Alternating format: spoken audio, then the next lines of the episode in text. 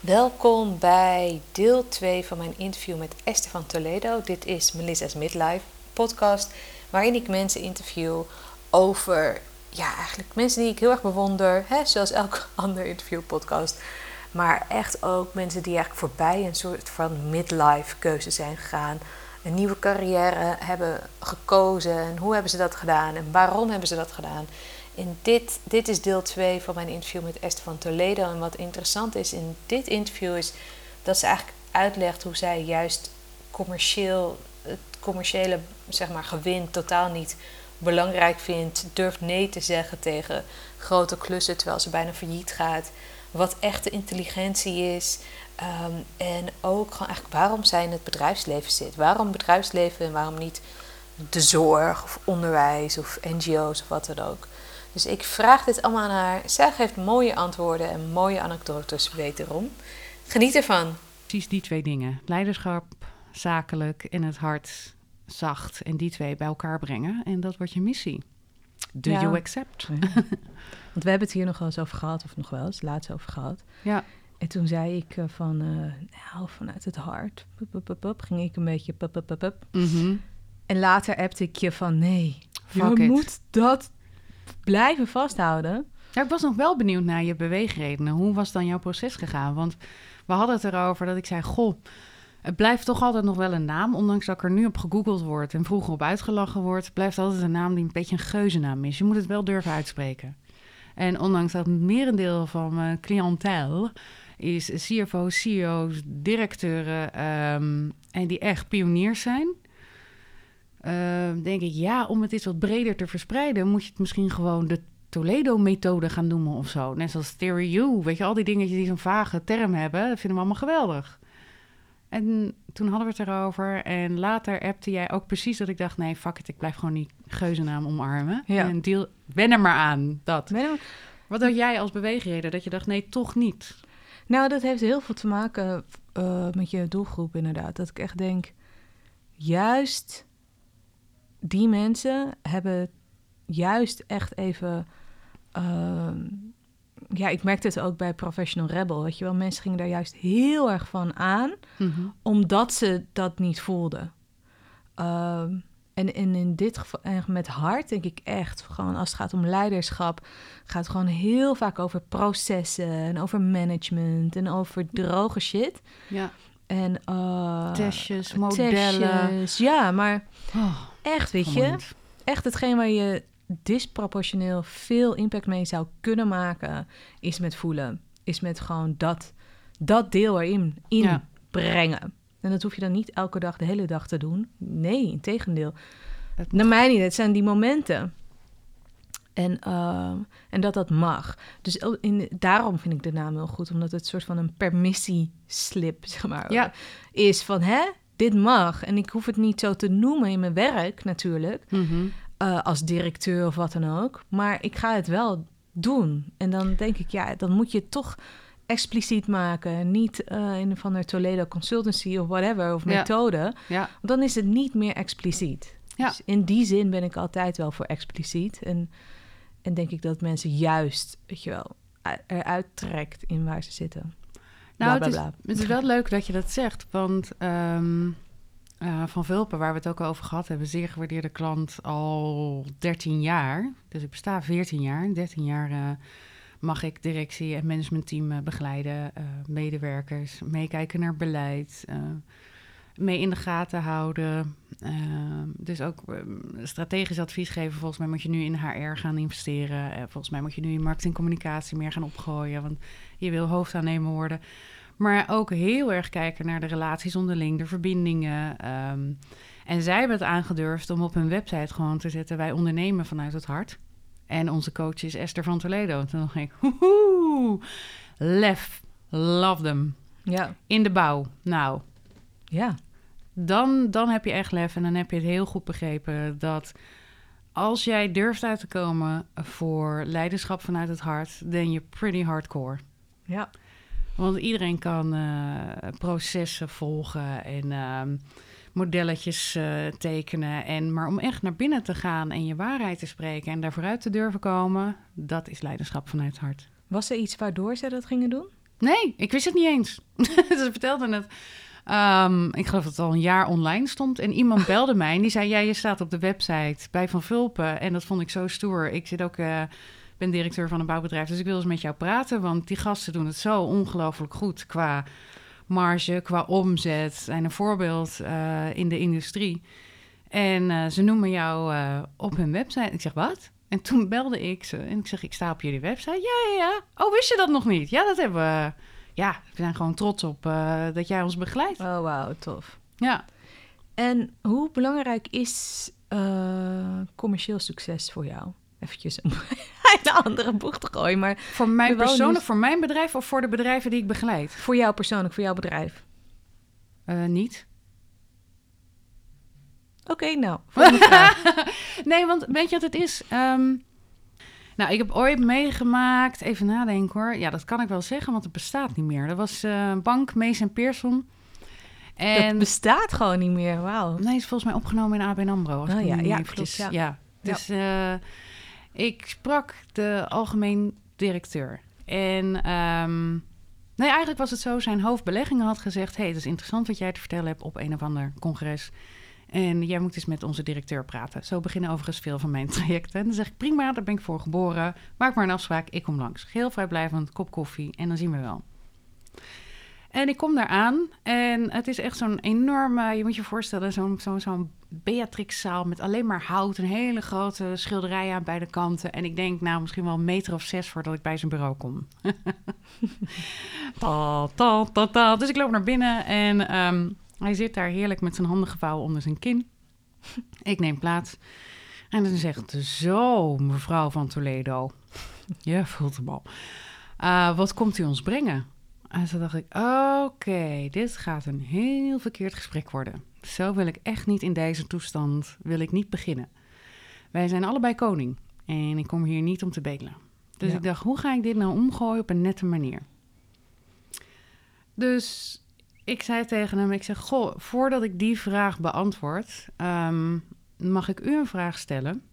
En dan zal ik zo meteen die andere vraag nog beantwoorden. Hij zegt, ja, dat mag. Ik zeg, u bent een druk bezet man. Ja. Ik zeg, en tijd is geld. Ja.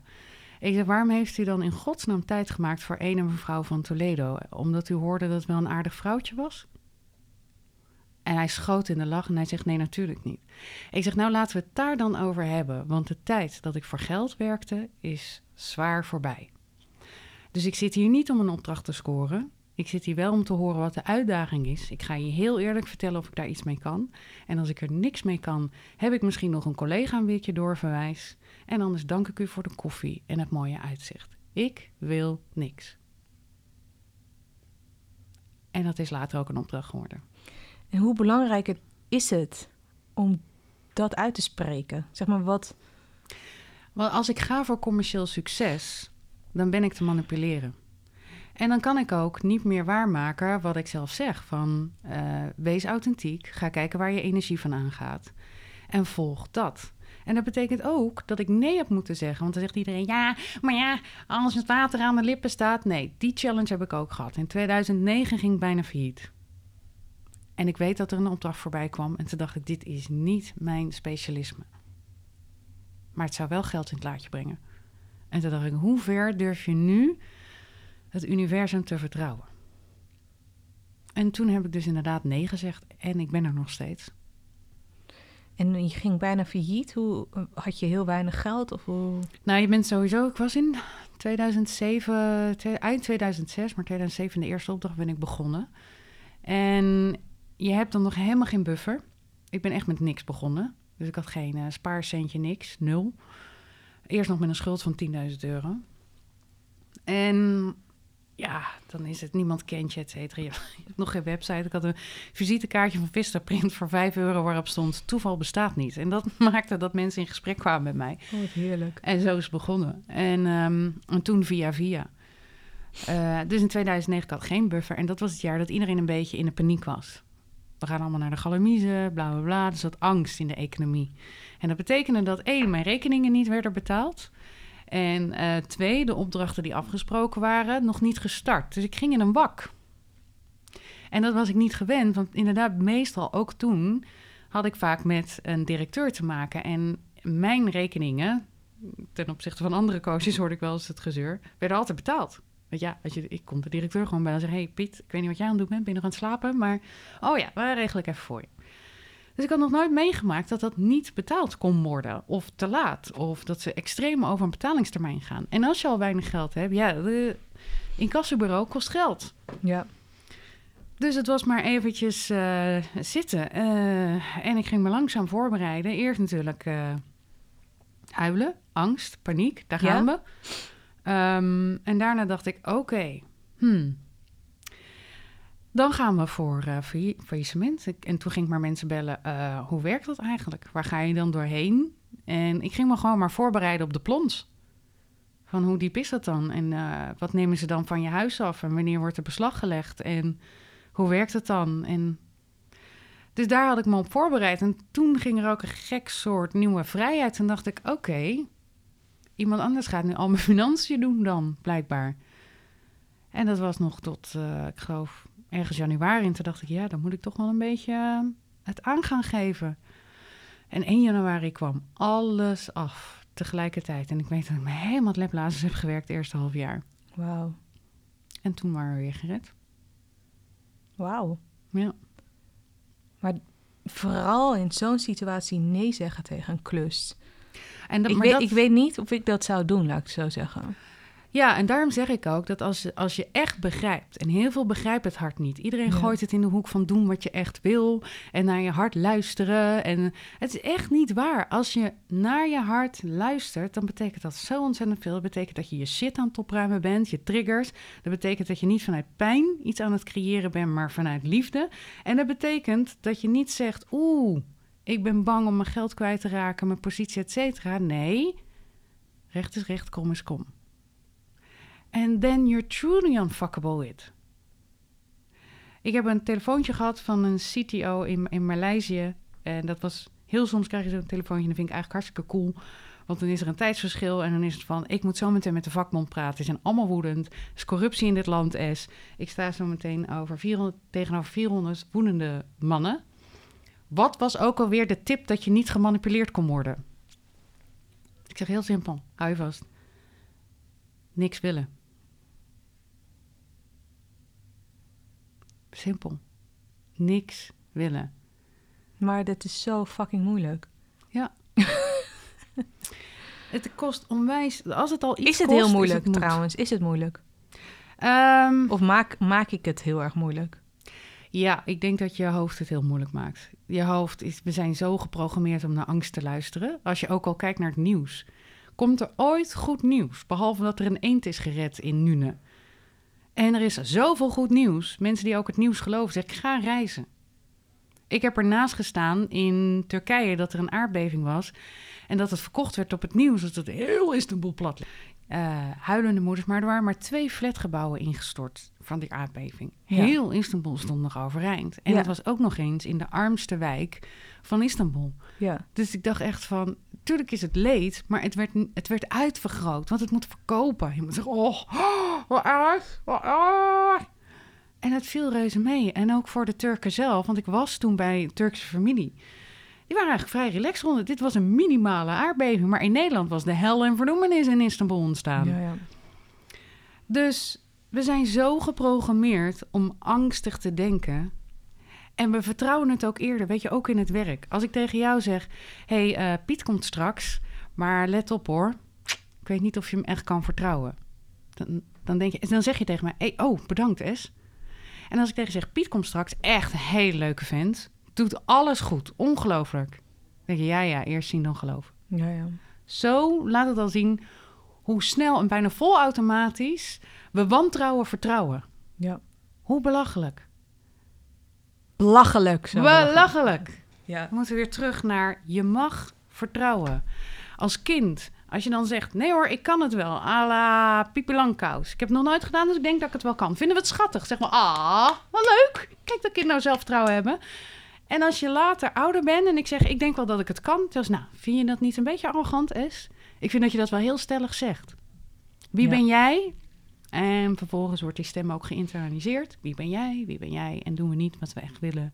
En waar we goed in zijn. En Je geeft niet jouw authentieke stem weg. Terwijl zoveel shit in het bedrijfsleven gebeurt omdat mensen niet daadwerkelijk spreken, de wijsheid die ze in zich hebben. Is een eh, hele leuke dame, Gabi Helfenstein. En zij was de eerste die geprobeerd heeft om echt, althans in mijn uh, praktijk, uh, om tijdens een meeting met allemaal mannen, waar het ging over een investeringsvoorstel, waar iedereen maanden hard aan had gewerkt, om te zeggen: jongens, ben ik de enige? Maar ondanks dat het qua data helemaal klopt, heb ik er geen goed gevoel bij.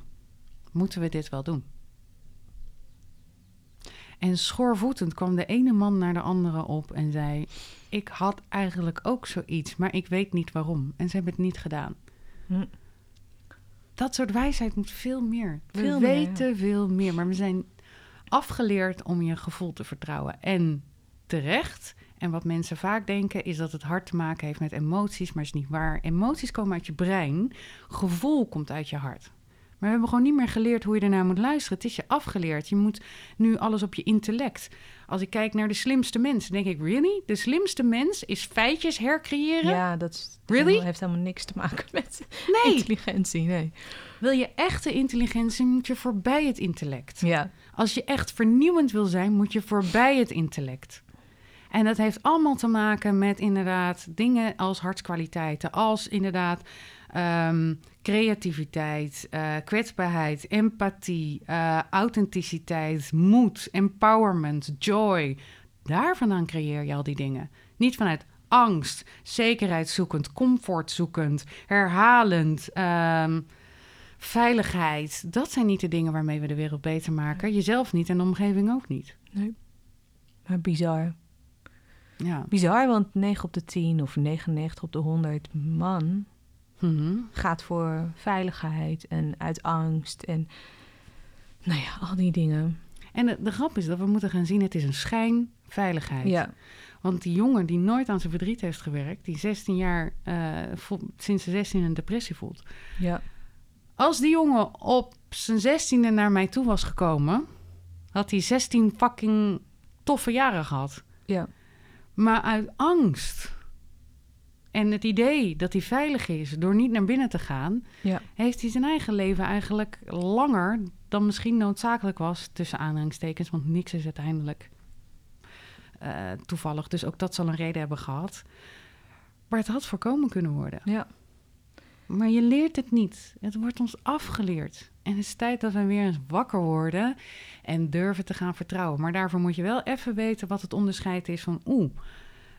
Um, vind ik nu die man die binnenkomt geen goede aanwinst voor ons bedrijf, omdat hij onbewust lijkt op mijn autoritaire vader, dan is het een trigger. En dan heb je er een emotie bij, een negatieve emotie. Dan komt het uit je brein. Dus het opgeslagen pijn uit het verleden, die in het heden opspeelt. Mm-hmm. Of het is een zuiver gevoel. Mm, ja. En dat die binnenkomt en je denkt, tja, paardenbloem. Nee, geitje. Maar um. Dat onderscheid moeten we gaan leren kennen. En daarvoor moet je eerst de gevoeligheid in je lichaam weer wakker maken. We hebben dat hele ding uh, uitgeschakeld. Dus al die receptoren in je lijf zijn daadwerkelijk verschrompeld en dood. En weten niet meer hoe te voelen. Je lijf is een antenne voor gevoel. Moet je hem wel even scherp stellen. En dat, dat zijn we verleerd, hoe je dat doet. Alles zit in het hoofd. Ik had er vandaag ook weer een, dat was zo grappig. Die begint net. En dan zeg ik, oké, wat voel je in je lijf? Ja, prima, relaxed, hartstikke goed. Ja. Oké, en wat gebeurt er nu? Waar is ergens spanning in je lijf? Geen spanning, voel me hartstikke goed. Oké, en we zakken even verder. En wat gebeurt er nu? Kijk eens naar het gebied van je ogen. Ja, die zijn wel gespannen, maar dat is omdat je het nu vraagt. Gelijk een rationalisatie erachter. Dus als er algemene termen zijn, rationalisaties, verklaringen waarom ik me zo voel, dat is het teken dat je in je hoofd zit. En dan is het nog niet de verbinding wakker naar je lijf. Als die verbinding wakker is naar je lijf, dan kan je heel goed zijn in het aannemen van mensen. Want dan heb je een zuiver gevoel. En dat soort shit doe ik. Nice. Hey. hey en um, vraag die in mij opkwam is: waarom het bedrijfsleven? Waarom niet NGO's? Waarom niet scholen? Waarom niet de zorg? Heb je er wel eens over nagedacht of is is het gewoon zo? Um, nou, ik denk dat we eigenlijk allemaal wel op dezelfde reis zijn. We zijn allemaal op een reis van je hoofd naar je hart, naar de bron uiteindelijk. En iedereen heeft daar een ander verhaal of expertise op. Ehm, de mensen ook uh, die jij interviewt nu, die hebben net allemaal een ander perspectief. Een net ander smaakje over hetzelfde. Wat net even wat beter past bij bepaalde types. En mijn verhaal past heel goed bij corporate, bij familiebedrijven, ondernemers. Maar ik pas wellicht niet zo goed bij NGO's en zeker niet de gemeente, weet ik uit ervaring. Daar zit een andere dynamiek in. Daar pas ik niet. Daar moet iemand anders het verhaal gaan brengen. Um, dus ik voel ook dat het leven mij een soort van heeft klaargestoomd om dit te doen. Want ik werk al uh, vanaf mijn achttiende. Ik heb parttime mijn MBA gedaan. Ik was op mijn 21ste leiding aan het geven in Bangladesh. Dus ik heb heel veel cultuurverschillen meegemaakt. Ik heb bijna altijd in mannelijke industrieën gewerkt. Uh, de bouw, de IT-consultancy, uh, nou, fast moving consumer goods is iets meer ge gemeleerd. Maar de banken was ook typisch mannen. Om te zien hoe het daar werkt. Als ik nu met iemand werk, dan kan ik uh, op een kilometer afstand ruiken wanneer er een politiek spel gaande is. En ik weet de degens te kruisen, omdat ik dat vroeger helaas met veel bloed, zweet en tranen zelf heb moeten ondervinden. Dus ik kan nog steeds zorgen dat degene die bezig is uh, een nieuw licht te verspreiden, sterker te laten schijnen, omdat ik weet hoe het oude systeem werkt ja. en hoe je het even aan moet om te zorgen dat er ruimte komt. Uh, ik had ook een voorbeeld met een directeur bij een bank. Die kreeg van de raad van bestuur een mailtje over een dame, een manager van zijn afdeling, die in mijn coachingstraject zat. En hij leest het voor en hij zegt: Ja, dit is alsof het iets lichts is. En ik hoor het en toen zei ik: Wanneer is het verstuurd? Toen zei hij: uh, Vanochtend. Ik zeg: Hier moet je meteen op reageren. Het feit, want hij zat één etage hoger, die man van de raad van bestuur. Het feit dat het je toestuurt per e-mail is al foute bol. Dus het is niet echt een tip. Als het echt een tip was, was hij bij je langsgekomen. Het zat hij me echt aan te kijken. Uh, ben je nu niet een beetje te wantrouwend? Ik zei, no, I know these games, I smell them. En de bedoeling is dat jij op de klippen gaat lopen. Want hij zegt in de e-mail dat hij geen fiducie heeft... in dat die dame in dat coachingstraject daadwerkelijk beter gaat worden. Jij wordt erop geef, afgerekend. Geef iemand een kans. Ja. Dus je moet gelijk naar boven lopen. En hij doet net geen kleur eh, bepalen. Hè? Zo van ja, wij denken dat dat niet zo. Maar jij zegt dat dit heel erg. Dus we gaan het zien over een komende tijd. Je had die vorige persoon ook zo ingeschat. Is ook niet helemaal uitgekomen. Dus er wordt een soort case langzaam gebouwd. Ja, ja. Dus ik je moet gelijk naar boven gaan. En dan in zijn ogen kijken en zeggen: Sta je achter me dat die dame een coachingstraject krijgt? Ja of nee? Ik zeg, laat hem niet weggaan met uh, grijs gebied, ja, maar, bla bla. Ja of nee? Ik zeg, en als hij zegt ja, dan zeg je mooi. Want ik denk dat ook. Dus wij samen denken, ik zeg dan haal je hem naar binnen en dan ga je samenvallen of niet, dat die dame nog een kans verdient. En dat mail je hem zo meteen even terug. Als hij zegt nee, dan zeg je prima, ik ben nog steeds de directeur van die divisie. Ik vind dat deze dame wel een kans krijgt.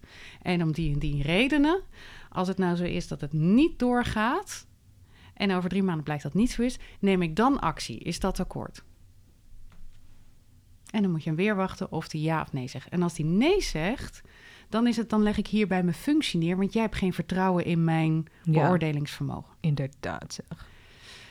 Dus dat heeft hij gedaan. En uh, ja, die dame heeft nooit geweten wat er boven haar hoofd heeft gehangen. Maar alles is in goede, goede banen geleid. En ook nog jaren daarna. Dus. Mooi, dankjewel. Heerlijk. Heerlijk, we gaan hem afronden. Um, als mensen meer van jou willen weten, horen, begrijpen, connecten, wat dan ook. Mm -hmm. Hoe uh, kunnen ze jou vinden? Uh, vrij simpel, www.estervantoledo.nl daar kan je alles vinden. En op Instagram, Esther van Toledo, op LinkedIn. Uh, Instagram kan ik heel erg aanraden. ja, Instagram krijg je iets meer te zien ook van uh, mijn persoonlijk leven. Omdat ik vind op Instagram kan je wat meer laten zien van... oké, okay, do you really practice what you preach? Ja. En dat is always follow your joy and interest. En uh, LinkedIn zitten vaak inspiratieartikelen... net even andere klanken laten horen... en verhalen van uh, leiders die ik mag begeleiden in hun woorden... Wat het heeft opgeleverd. En uh, op mijn website dan krijg je wat meer achtergrondinformatie en ook de blogs te lezen. Dus dan krijg je wat meer breed beeld van mij. Ja. En kun je me ook mailen en bellen en maak me gek als je het ziet zitten. En je geeft talks. Dat is even... En ik geef ook nog talks. Ja, dat is nu natuurlijk bijna een eh, vergeten... Nou, je kan gewoon online talks geven. dat bestaat. Er zijn gewoon conferenties online en weet ik het. Oh ja, dat is waar. Tuurlijk, Nou, ik ja. heb onlangs inderdaad een wijsgave Zoom-training eh, gegeven. Ik had gemiddeld een 9. Nice. Very nice. Want Zoom is best wel moeilijk om dan nog diezelfde beleving te krijgen. Dus inderdaad, ik geef talks. En ehm, niet alleen inderdaad eh, offline, maar ook online. Oké. Nou, dankjewel. Dankjewel, dankjewel dat je nog een keer wou komen. ja, zeker weten. Echt superleuk. Dankjewel.